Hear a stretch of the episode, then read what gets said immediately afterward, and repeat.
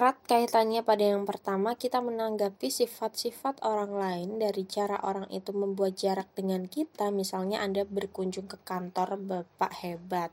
Ia mempersilahkan Anda duduk pada kursi yang tersedia sementara Pak Hebat duduk jauh dari Anda, bahkan dihalangi oleh meja lebar.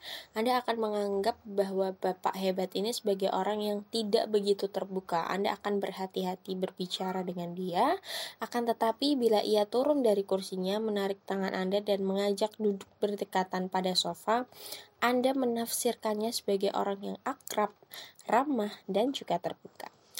Cara orang mengatur ruang mempengaruhi persepsi kita tentang orang itu. Profesor yang selalu membuka pintu kantornya lebar-lebar akan ditanggapi lebih terbuka daripada profesor yang selalu mengunci kantornya. Orang lebih memilih duduk di muka akan kita tanggapi sebagai orang yang berstatus tinggi